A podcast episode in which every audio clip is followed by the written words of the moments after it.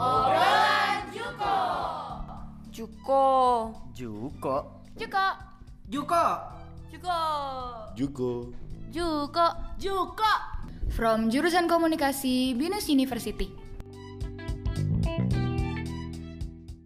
Halo semuanya, balik lagi bareng gua Bimo di podcast obrolan Juko.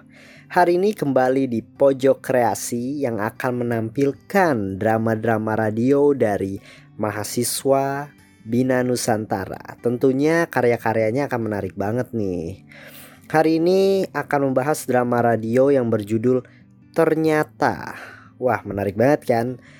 Ternyata ini adalah karya dari empat mahasiswa Bina Nusantara yaitu dari Harry, Krisna, Anissa Amalia, Dinda Bagir, dan Risna. Oke, sebelum masuk mungkin kalian bisa pasang earphone-nya dulu biar drama radio itu semakin terasa tentunya. Oke, kita mulai aja ya. 3, 2, 1.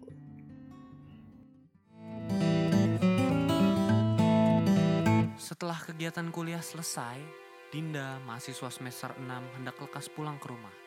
Karena saat di kelas mamanya telepon bahwa ada neneknya baru datang. Guys, gue balik duluan ya. Nenek gue baru balik dari kampung nih. Ya, lu kok pulang sih? Tahu nih. Eh, BTW, lo pulang naik apa? Gue balik naik angkot nih. Duluan ya, nggak apa-apa kan?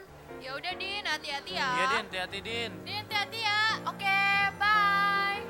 Dalam angkot yang panas dan sesak, Dinda merasa lelah dan kepikiran karena tugas yang diberikan oleh dosen harus dikumpulkan besok pagi. Tiba-tiba, seorang laki-laki menggunakan jeans sobek dan tato tengkorak di pergelangan tangannya duduk persis di samping Dinda.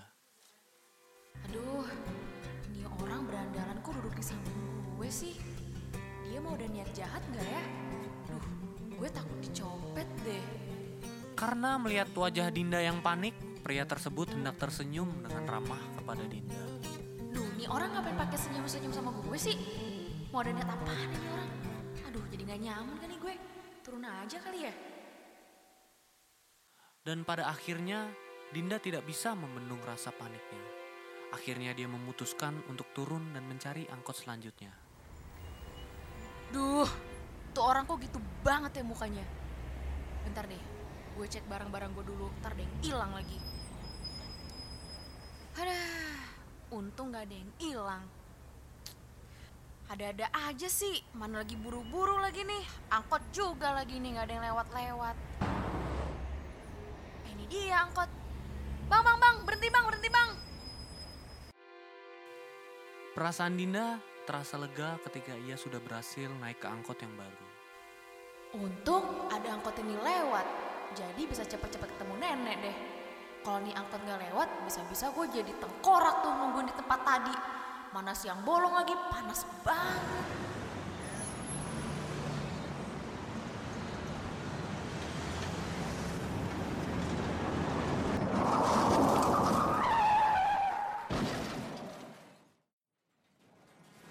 Seketika jalanan menjadi macet dan perhatian orang tertuju ke ibu-ibu yang terserempet oleh angkot. Karena Dinda penasaran, Dinda pun turun dari angkot dan melihat kejadian tersebut. Gila, itu angkot yang gue naikin tadi. Nabrak ibu-ibu tuh. Buset dah. Aduh, tuh ibu-ibu kok bisa ketabrak gitu ya? Dinda pun mendekat untuk melihat kondisi ibu-ibu tersebut. Tiba-tiba, Dinda kaget karena melihat pria bertato yang tadi ada di dalam angkot sebelumnya sedang menolong ibu-ibu yang tertabrak angkot tersebut. Eh, gotong-gotong, kita pinggirin dulu. Kita harus cepet-cepet bawa si ibu ke rumah sakit. Mbak, mbak, ada yang kenal nggak sama ibu-ibu ini? Kira-kira rumahnya di mana ya? Harus dibawa ke rumah sakit cepet-cepet nih. Wah, mas, saya kurang kenal sama ibu-ibu ini. Kayaknya dia nggak ada keluarganya deh. Tinggal sendirian. Saya pergi dulu ya, mas. Saya ada urusan nih, mas. Atau telepon polisi aja deh. Waduh, ya udah mbak, makasih ya. Iya, sama-sama, Ada yang Mas. mau antar ibu ini ke rumah sakit gak? Eh, aja mas, kebetulan saya kenal sama ibu-ibu ini. Taksi, taksi. Ayo bawa masuk ibu ini ke taksi. Pelan-pelan pak, pelan-pelan. Pak, ini uang buat bayar taksi ya. Dan biaya rumah sakitnya. Saya minta nomor bapak ya. Nanti saya mau ke rumah sakit juga. Saya mau tolong supir angkotnya dulu. Setelah melihat kejadian tersebut, Dinda terdiam tanpa kata dan tidak bisa mengalihkan pandangannya dari kejadian tersebut. Astaga, itu orang kok bisa ya gue berpikiran kayak tadi? Gue kok jahat banget ya? Ternyata orang yang bertato tadi punya rasa kepedulian yang tinggi terhadap sesama ya. Bahkan gue pun kalau di posisi dia, belum tentu gue nolong sampai sejauh itu. Aduh, jadi merasa bersalah banget deh gue punya pikiran negatif ke dia. Seperti halnya Thomas Alva Edison yang pernah dicap oleh gurunya sebagai murid yang terlalu bodoh. Ternyata dia adalah seseorang yang membuat manusia dapat tetap terang dalam gelap yang diciptakan oleh malam. Seperti halnya para pejabat yang berpakaian santun dan berbahasa santun, ternyata ia tega melihat rakyat yang hanya mengais sisa rezeki dan terkadang masih dipotong upeti. Dan seperti halnya pria yang berpakaian urakan tidak santun dan bertato ternyata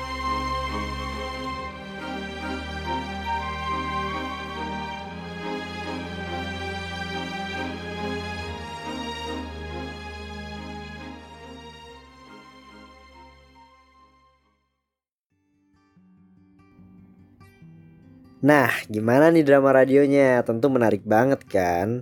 Akan masih banyak lagi drama radio-drama radio menarik dari karya-karya mahasiswa Bina Nusantara. Tentu jangan lupa tetap dengerin podcast obrolan Juko dan sampai ketemu di pojok kreasi selanjutnya. Bye.